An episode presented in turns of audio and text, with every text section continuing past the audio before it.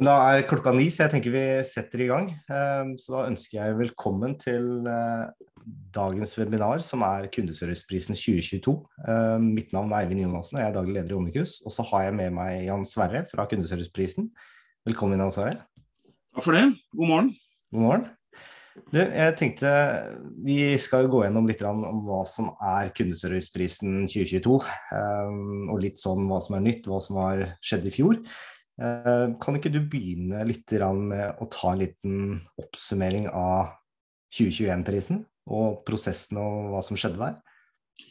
Ja, det så lang tid har vi. Um, kundeserviceprisen er jo en uh, lang historie.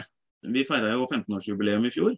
Uh, så det har jo vært mange år vi har lært på, og mange år vi har gjennomført her. Og så har det vokst og blitt mer og mer komplisert, det vi holder på med siste par årene også så har vi gjort mye jobb for å kvalitetssikre, utvikle og sørge for at kundeserviceprisen blir enda mer aktuell. Fordi vi ønsker å være en pådriver for enda bedre kundeopplevelser. Og aller først i forhold til kundeserviceprisen 2021, så vil jeg jo si at jeg er vanvittig stolt av alle disse kundebehandlerne rundt omkring som gjør en utrolig god jobb i til dels vanskelige rammebetingelser. Eh, så det er veldig mange mennesker som har veldig stor grunn til å være stolte. Og det er mange ledere som har god grunn til å rose medarbeidere rundt omkring. Og så er det jo mennesker. Og Det betyr jo at uh, vi ikke er roboter. Og det betyr jo at det blir ikke alt som blir 100% Og sånn er det jo. Uh, og så handler det jo om å ta vare på det som er bra. Og så få tatt tak i det som ikke er så bra, og prøve å gjøre det enda bedre. Og så vil jo det liksom være en sånn never ending story. Ja, for det, det, var en ny ting som ble gjort i fjor, eh, eller da for 2021. og Det er jo egentlig å måle agentens prestasjonsområde. Ja, eller vi har jo målt den hele tiden, men nå har vi også vist den fram. Ja. Um, og det var jo en veldig god grunn til, syns vi selv i hvert fall. Uh, for det er jo den totalscoren som hvert selskap får gjennom undersøkelsen, det er den som danner resultatlista til, til slutt. Um, og det er jo én del av det. Men så har vi jo det med kundebehandlerne. Da. Fordi Hvis du f.eks. sliter litt med ventetid, det er f.eks. noe sykdom eller det er noe feil med systemet, eller at det er mye større trafikk enn du hadde planlagt for, et eller annet sånt som skjer, så får du jo null hvis vi ikke får svar. og Det betyr at får du noen eh, henvendelser med null i score, så ramler du ganske langt ned på lista. De som kommer på toppen har ikke noen ikke-svar, kan vi vel trygt si. Eh, men vi får jo svar allikevel på en del henvendelser. Og så så vi jo da at innenfor dette telefonsystemet eller chatsystemet eller e-postsystemet eller hva det var, så satt det noen medarbeidere, og mange av de var ekstremt dyktige, og det hadde vi lyst til også å vise fram. Derfor så tok vi fram prestasjonsområdet kundebehandleren og viste fram scoren også på det. Og Hvis du ser på resultatlista fra i fjor, så vil du se at det er mange selskaper som har fått en kanskje ikke så god totalscore, som har fått veldig høy score på kundebehandleren. Ja, og der, der er det jo uh, du har lagt ut, eller Dere har jo lagt ut alle kriteriene på nettsida, det syns jeg er veldig bra. Fordi man på en måte ser jo hva man bør ta tak i, eller i hvert fall prioritere for uh, sine kunder, og hva på en måte kunder også eh, vil sette pris på og på en måte prioritere når de tar kontakt med kundesenter. og hvis liksom på vurdering av selskap da, så har jeg prøvd å, å liksom dra det ned til to ting. og Det er liksom responstid og hvor enkelt det er å komme i kontakt med kundesenteret. Mm. Så har dere en rekke kriterier bak der, men, men er det liksom essensen i det når det kommer til det å vurdere selskapet? Det er jo, eh, sant, Responstid det er jo viktig. Um, Hvis vi antar at vi får et svar, da. Så jo lengre tid jeg venter, jo mindre positiv blir jeg. Um, og hvis jeg venter lenge, så blir jeg jo naturlig nok litt frustrert og osv. Og, og det er klart det vil påvirke resten av henvendelsen. Men i kundeserviceprisen så, så lenge vi får svar, så har svar og ventetid, som vi har kalt det prestasjonsområdet, det har ca. 5 eh, verdi i forhold til totalscoren du kan få. Så hvis du svarer oss innenfor akkurat siste frist, eh, så får du jo null poeng på svar og ventetid, men du kan fortsatt få 95% av det du kunne fått. Ja. Og Det er viktig også å få med, fordi er, svar og ventetid er jo en del av det. Det er mange ting som påvirker eh, kundeopplevelsen. Og, og, dette med svar og ventetid er selvfølgelig en av dem. Men når du da først får svar, så har jo eh, kundebehandleren mulighet til å skape magi. Ja. Og der er det jo, eh, nå titta jeg så vidt raskt over det i stad, det er jo over 30 kriterier som dere har når dere vurderer kundebehandleren. Så det er ikke noe, det er ikke noe hva som helst som skal vurderes her. Nei, og det, og det, er også grunnen til at vi har lagt alle spørsmålene eller hele spørsmålsbatteriet ut på hjemmesida vår på kundeserviceprisen.no. Det handler jo om uh, gjennomsiktighet. Uh, det handler ikke om at vi tror vi har fasiten. Men etter 16 år nå, da, så begynner vi å nærme oss uh, i hvert fall essensen, vil jeg tro. Uh, og så ligger det der, og det betyr at ethvert kundesenter kan gå inn og se liksom, okay, hvor gode er vi til disse tingene, hvordan prioriterer vi det, hvordan jobber vi med spørsmålsstilling, engasjement, lytting og hva det måtte være. Uh, men i tillegg så gir det oss og deltakerne en kjempemulighet til å få innspill til endringer eller utvikling eller sånne ting. Hvis det er noen av de kundesentrene rundt omkring som har en veldig god idé til et spørsmål vi burde sjekke, så er jo det kjempefint for oss å få innspill. For det er jo de som har headsetet på. Hva er det som er nytt i år, da? ja, det er litt forskjellig. Eh, nå har vi jo alle sammen kryssa fingrene for at denne pandemien skulle være litt på, på vei bort. Eh, og det er litt sånn, kanskje litt, hvis du leser avisa, hvert fall, litt sånn avhengig av hvor du bor. Men eh, vi har jo eh, sett på dette her med klassene igjen. Vi, vi permitterte jo noen klasser i fjor og noen deltakere pga. Eh, koronaen. Eh, men i år så har vi tatt tilbake noen av klassene. Vi har fortsatt ikke tatt med alle. Og det skyldes eh, si, logikk rundt dette med korona og karantener og begrensninger rundt det. Men det vi har tatt med, er båtreise. Den er tilbake igjen. Eh, og der har vi jo si, de vanlige i hermetegn danskebåtene. Men vi har også med to nye deltakere der. som har vært, En av dem har vært litt rundt i andre klasser tidligere, men nå har vi med både Hurtigruten og Havila kystruten. Så Det blir veldig spennende å se hvordan de eh, gjør det. Og, og, det er klart Med litt sånn utfordringer med korona, så kan det hende at norgesferie er populært da, fortsatt. Ja. Eh, og så har vi jo også sett at eh, sydenturer, eh, for å kalle det det, det er jo kommet litt opp igjen. Så vi har tatt med reiseselskapene igjen, men det er en klasse som vi vil være veldig obs på. Fordi der kan det brått skje noe i forhold til nedstengninger i Sør-Europa eller hva det måtte være. Men den er i hvert fall tilbake. Og så har vi fått med flyselskapene igjen eh, inn i persontransport. Eh, og i år så er det jo fire norske flyselskap. Både SAS, Norwegian, Widerøe og Flyr. Så det blir jo spennende å se hvordan en nykommer gjør det i forhold til de som har vært der en stund. Hvor mange selskaper er det totalt? Akkurat i dag Nå er det jo litt mindre enn en uke til vi starter. Men akkurat i dag så er det 190 deltakere. Ja. Uh, og Grunnen til at jeg sier det på den måten, er at vi opp mot starten så gjennomgår jo vi deltakerlista, kontaktmåter, alle mulige sånne parametere som vi har, for å se om vi skal justere det. Og så hender det jo at det er noen som uh, gir beskjed til oss at uh, nei, i år vil de ikke være med. Og det er jo sånn sett lov, det. Vi syns jo det er trist, men hvis man har en god grunn, så er det jo sånn det er. Um, og så vil vi da se på Så jeg, jeg, regner med at vi sannsynligvis lander litt under 190, men det blir uansett ny rekord. Forrige rekorden var på 181 i 2020, uh, og det kommer vi til å gå over. Så vi skal gjennomføre mer enn 4700 henvendelser ja. i løpet av fire måneder.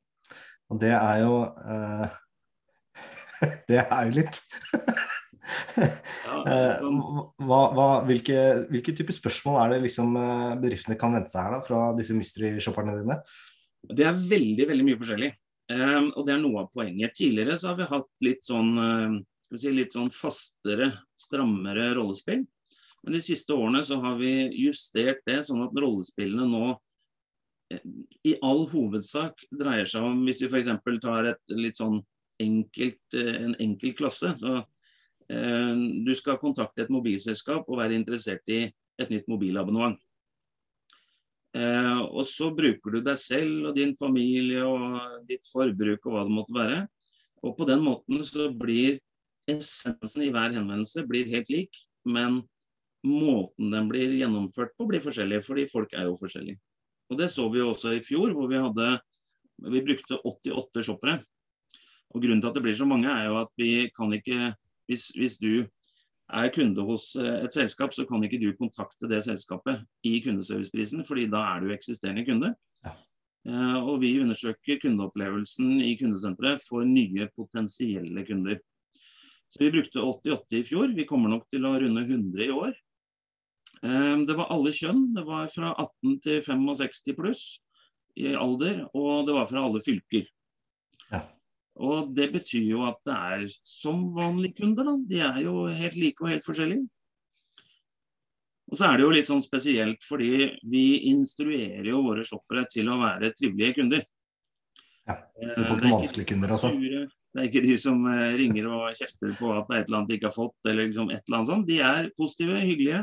Så hvis kundebehandleren jobber riktig med dem, så vil de kunne være med på alt mulig. Og du vil kunne tilby dem alle mulige ting. Og så er det en liten catch, fordi ingen av dem skal jo egentlig ha. Så til slutt så vil de jo avslutte den dialogen på en eller annen måte sånn ja, men da kikker jeg litt på det, eller snakker med noen, eller uh, gå på hjemmesida, eller hva det nå er. da, Sånn at du får ikke et salg av dem, men du får en veldig positiv opplevelse. Ja, Så hvis du da i de kommende fire, fire månedene får noen samtaler hvor du sier ja, jeg skal tenke litt på det, så skjønner jeg at nå, nå var det en mystery caller. Da, da, kan det være det, men det kan det også være en helt vanlig kunde som, eh, ja. som syns det er greit å tenke litt på ting. Ja, det er, det er helt klart. Um, ulike kontaktpunkt. Ja. Blir man uh, på noen måte som helst straffa hvis man f.eks. ikke har det ene kontaktpunktet kontra det andre, eller har dere ikke noe formening om det i den vurderinga her? Vi har fortsatt fire kontaktmåter som vi benytter. Uh, det er telefon, som jo er det vanligste, og så er det e-post eller kontaktskjema, avhengig av hva vi finner på hjemmesiden. Uh, og så er det chat og Messenger. Og så kontakter vi hver deltaker på inntil tre av dem. Eh, og Det betyr jo da at eh, for oss så er det ikke noe Det er ikke viktig hvilken, eh, hvilke kontaktmåter du har. Du får ikke noe minus av oss hvis du bare har to kontaktmåter f.eks. Da fordeler vi bare henvendelsene utover de to istedenfor utover tre. Eh, så det er ikke noe problem for oss. Men vi ser jo at eh, de forskjellige kontaktmåtene har forskjellig score i, i våre undersøkelser historisk. Ja. Eh, og det, det, vi ser er jo at telefon har en tendens til å score høyere enn de tre andre. Og det er jo ganske logisk, fordi når du har en, en uh, telefonsamtale, så har du jo en dialog. Da har du jo en mulighet til å justere det du sier som kundebehandler. Bruke noen andre ord hvis du opplever at kunden ikke helt forstår, eller hva det måtte være.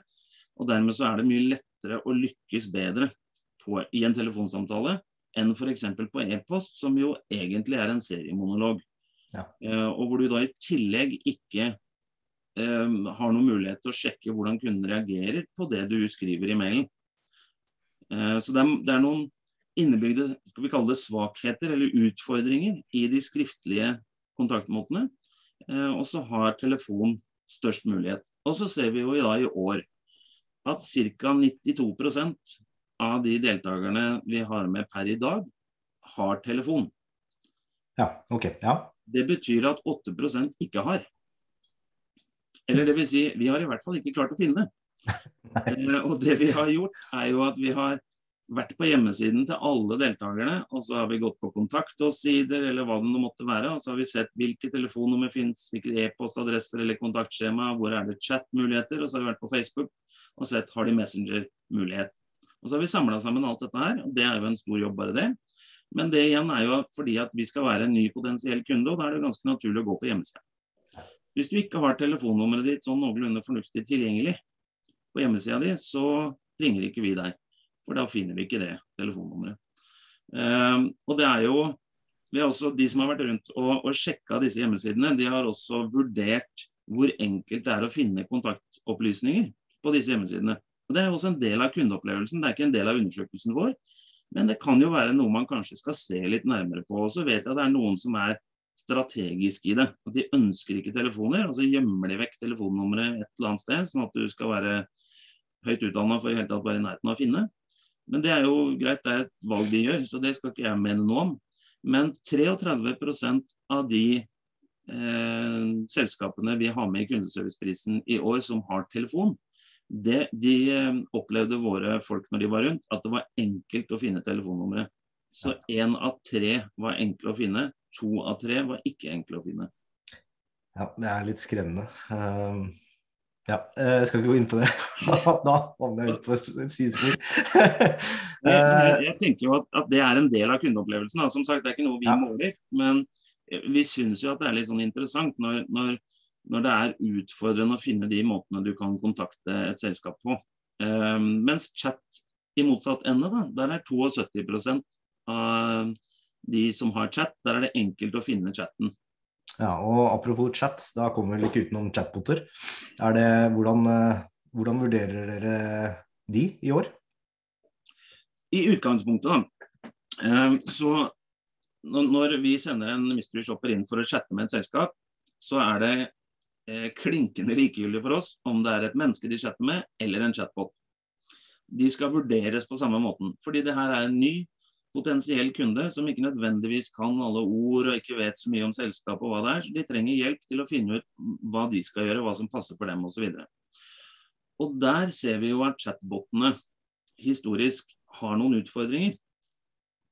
Eh, og Vi så jo i fjor at chat med menneske kontra chat med chatbot, så scorer da chat med menneske røftlig 50% bedre i gjennomsnitt. Og det er jo en, en, stor forskjell. Og så ser vi også at hvis du har en chatbot hvor det er enkelt å komme videre til et menneske om du ønsker, til en mm. kundebehandler, så går den scoren opp igjen nesten like høyt som den gjør for en chat med et menneske. Men det skyldes jo bl.a. at du får kjapt svar fra chatboten da, når du kontakter dem. Ja.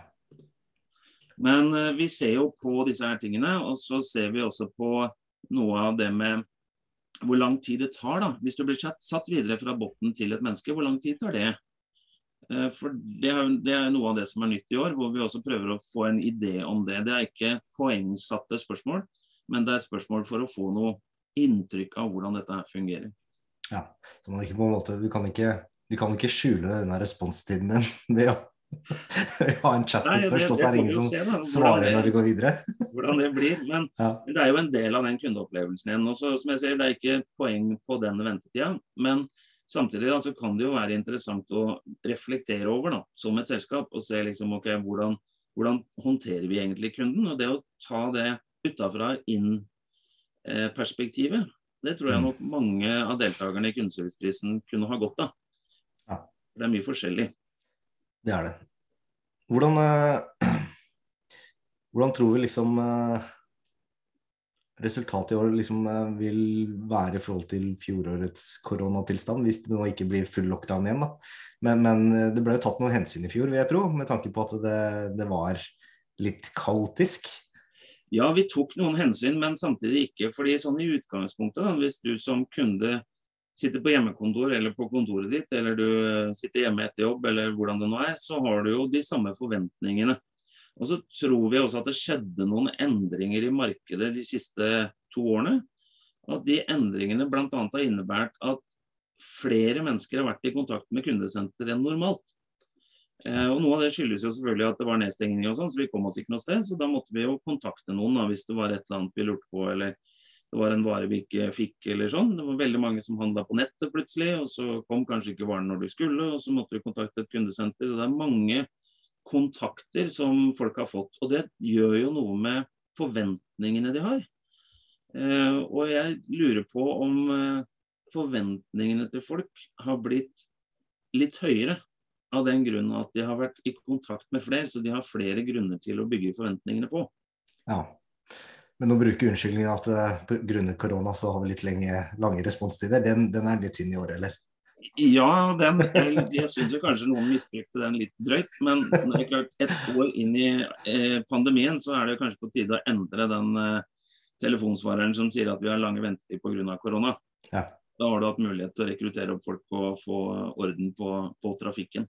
Men, altså, litt, litt, som du sier, jo... tenker, eh, i forhold til eh, det at det, nå er det jo en del selskaper som har tatt det litt seriøst. Uh, det her med, med, med pandemien og, og, fiksa det.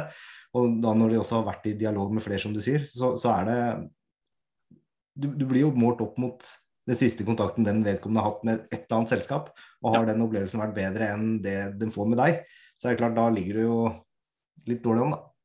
Ja, og, det, og det, er litt, det, er jo, det, er jo noe av det som er grunnen til at eh, innsikten fra kundeserviceprisen er verdifull. Det er jo fordi at vi får jo noe innsikt som, eh, som en vanlig kunde da ikke har. De har den kanskje, men de vet ikke akkurat hva det er. For den, det er vanskelig å spesifisere liksom, hvis du er en helt alminnelig person. da, om Hvorfor var jeg fornøyd eller ikke.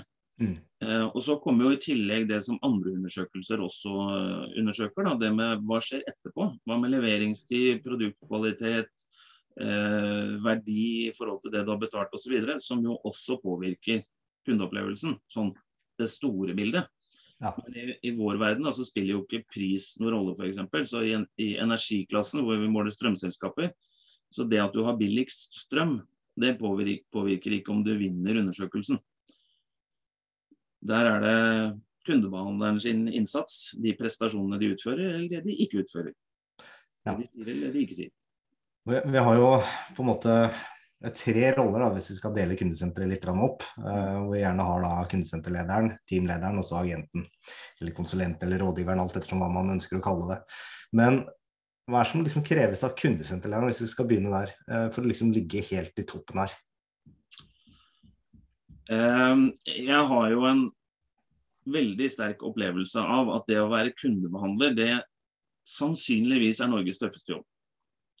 Og Det skyldes jo at sånne som deg og meg, vi skal kanskje i et par møter i løpet av en dag, og da kan vi forberede oss eh, før vi kommer dit. og det er liksom, Vi har de mulighetene. En kundebehandler tar et sted mellom 50 og 150 telefoner for eksempel, da, i løpet av en dag. Og ingen av de kan de forberede seg på. Så de er nødt til i løpet av millisekunder å tilpasse seg en kunde eller bruker eller eh, hva man nå kaller det, eh, som de ikke vet noe om. Og Det er ekstremt vanskelig. Og Derfor så er jeg helt sikker på at en kundebehandler som kommer på jobb en mandag morgen eh, og ikke får noe tilbakemeldinger eller noe hjelp eller noe, noe, som helst i løpet av den uka, annet enn dialogen med kundene, vil ikke være den samme personen fredag ettermiddag. Mm. Og Det er der den kundesenterlederen kommer inn. Eh, og Jeg får litt vondt i magen når jeg er rundt i kundesenteret og ser at eh, teamledere og annet sitter på en pult bak en skjerm og det er klart, Nå er det masse teknologi om dagen, eh, sånn at du kan lytte på samtaler både her og der. Eh, men det som jeg syns at mangler noen steder, er den personlige kontakten med kundebehandleren fra teamleder eller leder i kundesenteret. Det å virkelig se hvert enkelt menneske på samme måte som vi jo ønsker at kundebehandleren skal se hver enkelt kunde. Så trenger også kundebehandleren å bli sett i den hverdagen. Og den er veldig tøff. Først så får du kanskje ti samtaler med noen som er sure, og så får du kanskje en som er blid, og så en som er sånn midt på treet, og så kommer det et par sure igjen. Og det gjør noe med deg som menneske.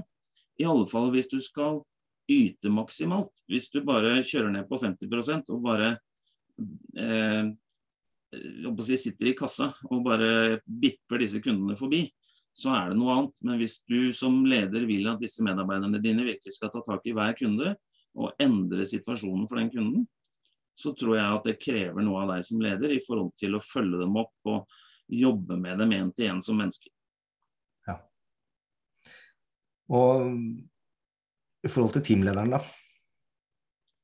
Det kommer litt an på selvfølgelig hvilke, hvilke ansvarsområder teamlederen har fått. Men uh, hvis uh, kundesenterlederen er den som skal på en måte være limet her, uh, og, og, anerkjenne mennesker, så skal jo også teamlederen selvfølgelig også gjøre det. Men, men den er jo kanskje den personen som skal sitte mest og medlitt, kanskje?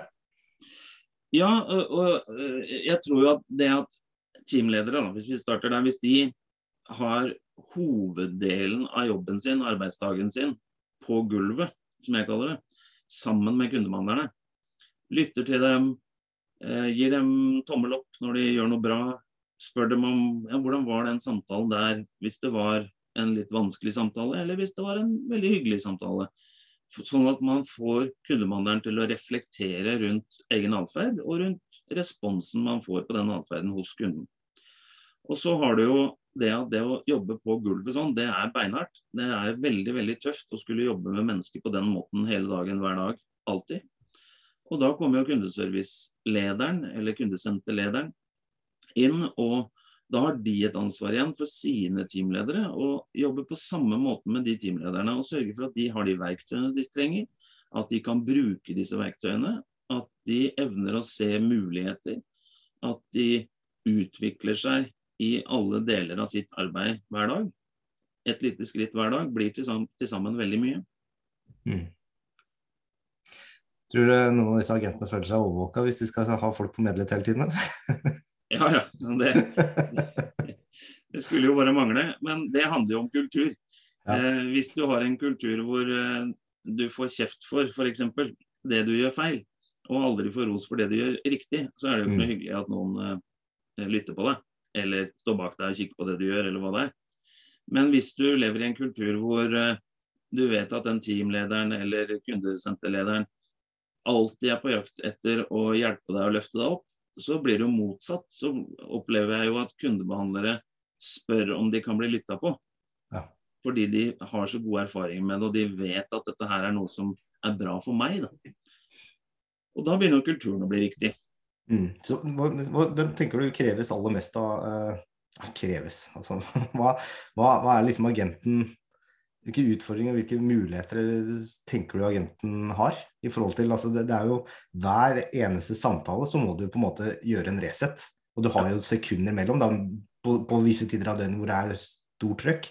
Du kan ha en skikkelig skyllebøtte i den ene samtalen, og så må du jo snu deg 100 og, eller 300, ikke 360 grader, men 180 grader rundt. Da, og si ja, nå er jeg positiv igjen, og nå er jeg klar for neste samtale. Ja. Hvordan eh, tenker du at man eh, gjør det best mulig? Eh, hvis jeg på en måte skulle vært en agent som sitter på kundesenteret hele tiden. Har du noen tips til hvordan de kan Når- når, gjøre det? når du sier det på den måten, da, så er det jo fristende å si doping.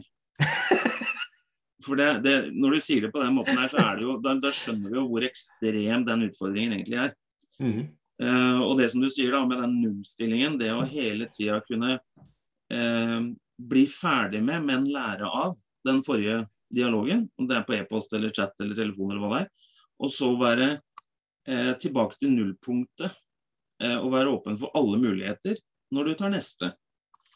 Det, det krever jo en sånn mental styrke, og der kommer det med teamlederoppfølging og tilbakemeldinger og, og hjelp og støtte og underveis. Der kommer jo det inn, for det er veldig vanskelig å gjøre det der helt alene. Eh, men, men så gjelder det tror jeg også å være som kundebehandler da, å være interessert i mennesker. Mm. Eh, og, og liksom være nysgjerrig på hvorfor de tenker og sier og føler det de gjør. Eh, og hva som skal til for at det kan bli litt annerledes. Og da kan det fort høres ut som psykolog, og det er jo ikke det det er. Eh, for Det er noe ikke langt unna heller. Det er langt unna bli. Eh, men det å, å allikevel være interessert, da, fordi jeg hører mange ganger at folk sier at ja, men vi må skape behov. Og da tenker jeg at nei, det må vi ikke. Fordi det går ikke an. Alle mennesker har alle behov. Men så er det noen som har mm, større behov for én ting enn det andre har. Og det betyr jo at sånn, sånn som mat, da. Vi har behov for mat og drikke hver dag. Og Likevel så selges det masse forskjellige typer drikke hver dag. Og det er jo fordi at vi har behov for drikke, men vi har også behov for noe annet. Og Noen går rundt med en eh, vannflaske med spesielt merke på, fordi at de har også behov for å vise at de er sånn eller sånn, eller at de hører med til den gruppen, eller hva det er. Og Det er jo det som er behovsavklaring. Og Eneste måten å klare det på e-post, chat, messenger eller telefon, det er jo å snakke med den kunden. Stille spørsmål, lytte, være interessert og nysgjerrig. Og så prøve å oversette det du får fra kunden, til de produkter og løsninger og hva det måtte være som du har. Noen ganger så kan det faktisk hende at den ikke skal ha. For du har ingenting som passer til de behovene, og det er jo det bedre. Andre ganger så må du da bruke din kompetanse, og det er altså grunnen til at vi spør våre shoppere om hvor god opplevde du at de var til å bruke kompetansen for å finne riktig løsning for deg. Og Det handler jo om effekten av den atferden kundebehandleren har hatt. Hvor mye informasjon har de fått ut av meg, og hvordan klarer jeg å bruke den i forhold til produkter eller tjenester. eller sånn I offentlig sektor da, så er det jo ofte lover og regler og muligheter rundt det.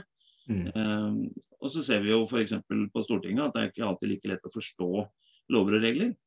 Eh, og da viser jo det for meg da bare tydelig hvor viktig det er å tilpasse språket man bruker til den enkelte kunden. Og det finner man jo også ut gjennom å snakke med dem. Ja.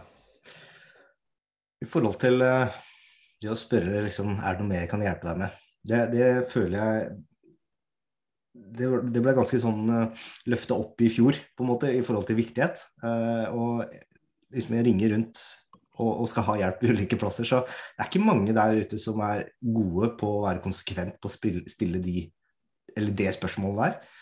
Hvor mye teller det egentlig under den prisen her? Eh, for jeg veit at de gangene jeg hører det som kunde, Mm. så tenker jeg åh, de, er, de, bryr seg faktisk litt ekstra. Du, du føler at, at det, er, det, er, et forhold som på en måte De, de, de bryr seg litt mer enn alle andre. som gjør at jeg får jo Bak i, i, hodet mitt så er det en naturlig tiltrekning til den bedriften igjen neste gang jeg skal ha noe. Og alt, selvfølgelig Det styres jo av priser, kampanjer og alt sånt også, men de gangene det ikke er kampanjer da, på det produktet jeg skal ha, så er det jo de opplevelsene der som gjør at jeg trekkes tilbake igjen til mm. de opplevelsene jeg har hatt med kundesenteret før. Ja, og så når du sitter i eh, middag hos naboen f.eks., så er det jo det du forteller om. Ja. Eh, og så er det jo lett å fortelle om det som ikke gikk så bra også. Fordi det handler jo om hvilke følelser sitter vi igjen med. Men det spørsmålet i seg, da, om, um, om, en, en, om, det var en interesse for om du hadde fått svar på alt det du ville, eh, mm. eller trengte, det handler jo ikke om det spørsmålet som sådan. Det handler jo om å skape den følelsen. Og så handler det om å vise interesse, for plutselig så dukker det opp noe annet hos den kunden. da. Mm. Et eller annet som de ikke hadde tenkt på, eller noe av det du hadde sagt som de faktisk lurte på. For det er jo ikke alle som skjønner alt det du skjønner, fordi du sitter jo internt i en bedrift og kan alt om dette her. Um, så det er, et veldig smart spørsmål å stille på en god måte. Det er mange måter å stille det spørsmålet på. Um, det er også å gjøre det på en god måte, sånn at du sitter igjen med den der Det, det beste som skjer, er at du sier nei, nå tror jeg jeg har fått svar på alt, det, så kjempefint. Ja, men mm. da vet du jo at den kunden har en god opplevelse. Eller så sier kunden, kunden kanskje sånn Ja, men det du sa der, hva, hva, betyr det egentlig for meg? Og så plutselig har du funnet et behov til for en eller annen trygghet eller avklaring eller hva det måtte være, som du så kan fylle. Og så er den kunden mer fornøyd enn den ville vært hvis den ikke fikk det spørsmålet. Mm. Og det teller jo noen få prosent, det som alle de andre spørsmålene. Ja. Det er poeng på disse svarene òg. Det er det. er det noen ting du tenker fra fjoråret som betyr ganske mye, som du håper de blir bedre på i år? Enten som selskap eller på kundebehandler? Det er, eh, kundeopplevelsen er komplisert. Ja. Og det er mange ting som spiller inn. Eh, det er alt fra en TV-reklame du liker eller ikke liker, eh, til den kontakten du har med et kundesenter, til for de som da handler. Eh, produktet du får, løsningen, informasjonen eller hva det måtte være, og hvordan det fungerer for deg. Om du er i stand til å bruke det sånn som du trodde eller burde. eller osv. Så, så, er, så den totale kundeopplevelsen den er jo veldig veldig komplisert. Det er veldig mange deler. Og så kan du si så er du ute og kjører bil en dag, da, så kommer det en eller annen tulling med en varebil eh, med logo på. Som bare blåser forbi deg og kjører helt tulling. Men det gjør jo noe med kundeopplevelsen, det også. I hvert fall hvis du ikke syns at det er noe ålreit måte å være i trafikk. Mm. Så kundeopplevelse totalt sett er veldig veldig komplisert. Eh, men det som vi eh, jobber med, er jo mer komprimert. Da, for det er bare den kundeopplevelsen du får på kundesenteret. Og der er selvfølgelig ventetid en del av det. Hvis du har kort ventetid, så rekker du ikke på en måte å bli frustrert, og så starter du mer positivt. Hvis du venter lenger, så blir du litt mer frustrert, og så starter du litt mindre positivt. Ikke nødvendigvis negativt, men litt mindre positivt. Ehm, og så er det jo da hvordan blir du tatt imot. Får du en opplevelse med en gang at her er det en som har lyst til å hjelpe meg, en som er glad for at jeg kontakter dem, eller får du en sånn derre åh, enda en. Og Det vil jo gjøre noe med din følelse igjen, da, for det er de følelsene der som vi faktisk jobber med som kundebehandler. Og så kommer jo dette her med noe av det som jeg er veldig veldig opptatt av. Eh, og alle de kundesentre jeg har vært i, så har de hørt om det. Eh, det må stille spørsmål. Det må være god på å stille åpne spørsmål. og Lene seg litt fram i stolen og være interessert i den kunden. Og ikke den forrige eller den neste, men i denne. Og så har du jo problemet da med målinger internt i kundesenteret. Veldig ofte så blir det målt svartid, kølengder osv. Det er jo viktig. og Hvis da det eneste kundebehandlerne får høre er at ja, vi må ha ned køen, så vil de jo prøve å være effektive, så effektive som mulig. Da. Og da får du ikke tid til å nødvendigvis gjøre alle de gode tingene. Og så kanskje det ender med at kunden må ringe tilbake, for det var noe de ikke skjønte, og så blir det enda lengre kø, og så er vi i gang. Eh, og så skal vi jo måle køtid og ventetid og alle disse tingene her, gjennomsnittlig samtalerengde og alt sånn, fordi det er noen parametere der. Men så må vi jo også forstå hvorfor ble det sånn. Mm. Var det lang kø fordi vi var dårlige på å planlegge? Eller var det lang kø fordi fakturaavdelinga sendte ut feil fakturaer til alle kundene? Hvorfor ble det sånn? For når vi vet hvorfor, så kan vi også gjøre noe med det. Og Hvis det er fakturaavdelinga, så får vi heller kjøpt på dem. Eh, men hvis det handler om at vi ikke er gode nok til å kommunisere med kundene, så vi bruker for lang tid på å forstå behov og finne riktige løsninger osv., men så er det også noe vi kan jobbe med. Mm. Da kan vi trene på det, og vi kan lære dem nye ting og vi kan jobbe med disse medarbeiderne. Så Vi er nødt til å finne den hvorfor hele veien, og så måler jo ikke vi nødvendigvis hvorfor, men vi måler jo effekten av hvorfor. Mm. På alle mulige parametere. Som du ser, 30, oppi 30 spørsmål som eh, syns utad, men vi har også noen andre spørsmål så, som er interne for oss. og Det betyr jo at for hver enkelt besvarelse så besvarer Mystery Shopperen opptil 40 spørsmål. Ja. Så vi får masse detaljer. Og igjen, vi har ikke en fasit, men vi har i løpet av fire måneder 25 opplevelser av dette kundesenteret. Eh, gitt av 25 forskjellige mennesker med forskjellig bakgrunn, alder, kjønn og hva det måtte være. Eh, og Derfor så tror vi at vi kan vi kan gi noe innsikt om hvordan man opplever kundebehandlernes prestasjoner, og hvordan man opplever ventetiden. Og hvordan man opplever avslutningen. og Hvor trivelig var det? Hvor interessert var denne kundebehandleren? Hva var min opplevelse? For vi er jo forskjellige, så vi, vi jo, du må jo gjøre forskjellige ting. Så en ting er at Du må nullstille deg i starten av den dialogen, og så må du jobbe på forskjellige måter med hver enkelt kunde. Det er beintøft. Og Derfor så blir jeg så imponert over de kundebehandlerne som, som virkelig lykkes. Og Som et eksempel da, på hvor vilt det kan bli positivt. Eh, I 2020 så var det Ice som vant kundeserviceprisen. En av våre shoppere som da aldri har vært i kontakt med Ice før, fordi da er det jo ikke en ny potensiell kunde, så det var første gang de var i kontakt med Ice, og det var på chat, som jo er litt utfordrende. Og så er det jo tre kommentarfelt i hver enkelt besvarelse, hvor de beskriver hvordan denne henvendelsen påvirka dem på forskjellige områder. Og I det siste oppsummerende kommentarfeltet så skriver denne shopperen jeg elsker Ice. Og det syns På grunn av en chat-dialog? Ja, en chatdialog. Og det syns jeg var litt sånn fascinerende. fordi sånn, denne shopperen da, som, som jo ikke skulle ha i utgangspunktet, eh, som har et litt sånn pro, halvprofesjonelt fall, forhold til denne dialogen, kunne ha skrevet liksom 'jeg liker Ice', eller 'jeg syns Ice er kule', eller 'bra', eller et eller annet. Men nei da. Det ble så mye følelser at vedkommende skrev 'jeg elsker Ice'. Og det forteller meg at den kundebehandleren har en voldsom mulighet til å påvirke kunder, brukere, mennesker som er i kontakt med dem, på en veldig, veldig god måte. Og hvis den ene personen kan, så kan også de andre. Mm. Jeg, jeg, tror liksom eh, Det som er viktig å huske på for, for kundebehandlerne, i hvert fall ut fra det jeg observerer, da, det er jo det at den rollen de har altså det, det, De tar imot en samtale eller en, besvarer en e-post, altså, og så, så, er de på en måte ferdig med det. Men, men den løsninga de har kommet med, det, det, kan jo ha reddet hele helga for vedkommende som ringte og tok kontakt, fordi de har planlagt et eller annet. Mm. Så selv om det tok fem minutter å løse, eller to minutter eller ett minutt, så er det utrolig viktig da, at de, de, forstår den viktigheten av å håndtere den kunden, og enhver kunde er unik. Og mm. den jobb du faktisk gjør, med mindre liksom, det er veldig sånn kan jeg få en kopi av fakturaen? Men hvis det faktisk er et problem eller, eller liksom en utfordring for den kunden, så, så, så, kan du faktisk ha skapt fantastiske resultater da, på, ja. på, den mest trivielle tingen for kundebehandleren å fikse. Mm. Så det, det, det syns jeg vel kanskje man skal promotere, i hvert fall som leder for kundesenteret, at det, det, er, det er liksom jobben du gjør. Du kan redde en helg, du kan redde en ferie, du kan, du kan gjøre ganske mye som en kundebehandler. Og hylle det de gangene det skjer. Og det skjer jo kun gjennom Medlet, da. For det er der du, eller da opptak som du kan spille av for å finne de gode casene. Mm. Ja, og det også å finne ut da hvorfor ble det bra? Mm. Hva var det du gjorde der, hva var det du ikke gjorde for å få den der opplevelsen hos kunden? da? Eh, og Det er jo noe av det jeg tror også man kan bruke rapporten fra kundeserviceprisen på. For der er det jo selvfølgelig rapporten med grafer og mm. analyser og forskjellig. Men så får du også alle enkeltbesvarelsene. Eh, og Der gjør vi alt vi kan for å ikke identifisere kundebehandleren, og heller ikke shopperen. Men du får vite hva slags type, om det var mann eller dame, og hvilken aldersgruppe osv.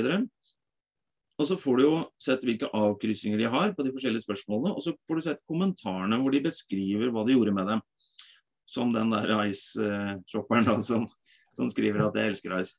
Um, og det er masse eksempler på det. Både positive og negative. Eh, og da kan du ta en sånn besvarelse, sette deg ned med noen av kundebehandlerne dine og si hva gjorde vi, hva gjorde vi ikke, hva sa vi, hva skrev vi, osv. For å få disse reaksjonene. Mm. Fordi du får alle disse detaljene. Og du får det fra en kunders perspektiv. Når du er på medlytt eller du lytter på en samtale som er tatt opp, så har du jo tross alt på deg hatten og perspektivet til en virksomhet. Jeg tenker, tenker det er et kjempegodt utgangspunkt da, for, for, å drøfte det, altså de 25 henvendelsene. Hvordan løser vi dette her? Vi mm. gjør alle dette her på samme måte? Og da får man jo de kundebehandlerne antageligvis til å si nei, det, sånn gjør ikke jeg i det hele tatt. Jeg gjør det på denne måten. Og da, oi, det er da enten bedre eller her trenger vi å gå opp løypa litt til. Ja, og da igjen det som jeg sa i sted, vi, er, vi har jo ikke en fasit. Én henvendelse fra en ordentlig kunde eller fra en mystery shopper, eh, mystery shopper, det er jo heller ikke fasiten. Men det er den personens opplevelse. Mm. Og kunden har alltid rett opplevelse. Ja. Du la til den siste. ja, fordi den der kunden har alltid rett. Det er jo ikke, det er ikke en full setning, det mangler noe. Ja. Eh, og det var den opplevelse. For kunden har alltid rett opplevelse. Og så kan du si kunden er teit, og det kan godt hende. Men det er jo jobben til kundebehandleren å sørge for at kunden forstår, da. Bra. Noen ganger så må du helt ned på et barnehagenivå, andre ganger så må du opp på universitetsnivå. Ja, men det er jo det som er jobben. Og det å hjelpe de opp og ned og forstå når de skal bruke hva, og hvilke argumenter som passer til hvem, og hvilket tonefall du skal bruke, og hvilke ord, og hvor eh, aktiv du skal være, hvor passiv du skal være i forhold Det er jo en enorm eh, mulighet hele veien her, og det er jo det som gjør det så vanskelig. Har du 100 dialoger i løpet av en dag, da, så har du snakka med 100 totalt forskjellige mennesker som har mm. forskjellige behov og forskjellige måter å fylle de behovene Helt riktig. Eh, jeg tenker, eh, Vi har jo drøfta litt, og det har vi vel også beslutta. Eh, vi kjører noen målinger underveis. Eller vi tar temperaturen underveis i kundeserviceprisen. Vi har vel drøfta om å ta en, en recap, eller en oppsummering, i januar, en i februar og en i mars. Så det jeg tenker vi kan gjøre, er å invitere de som har meldt seg på webinaret her i dag, eh, til å delta på de også, som kommer. Så dere får en invitasjon. Jeg skal ikke, skal ikke spamme, det, det, lover jeg. Jeg sender ut én mulighet til å melde seg på.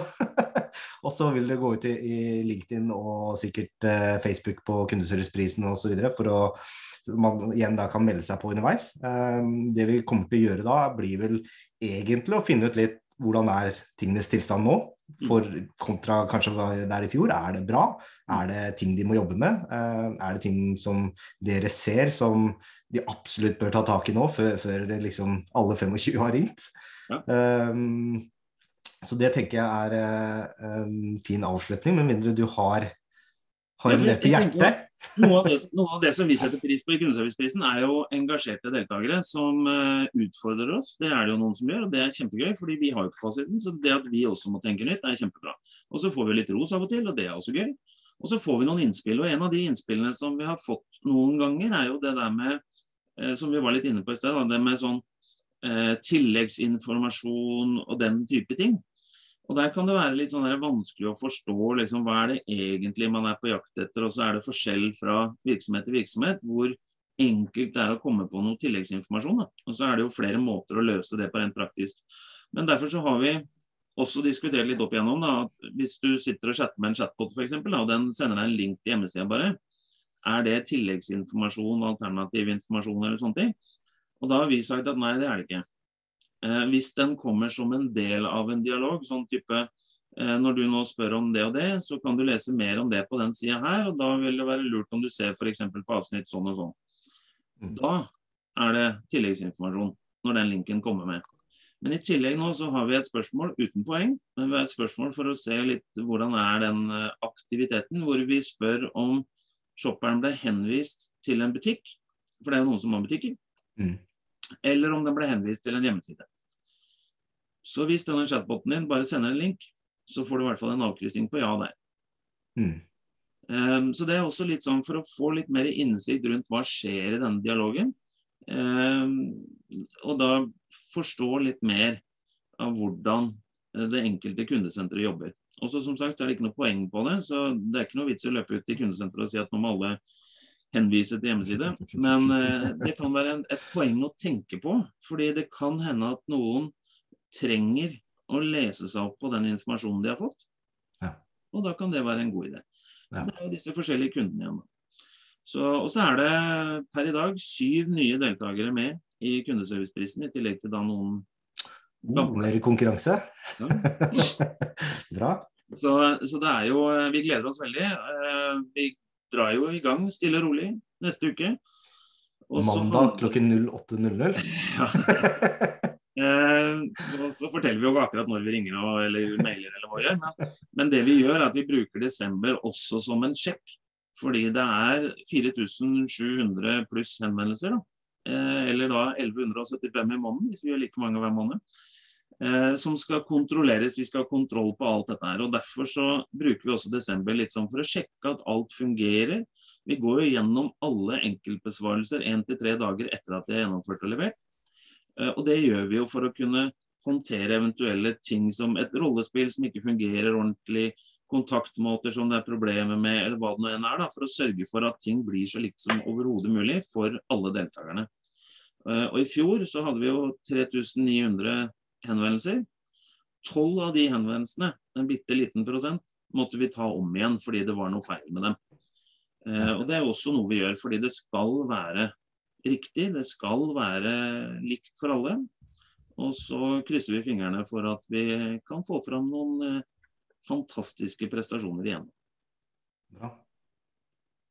Så bra.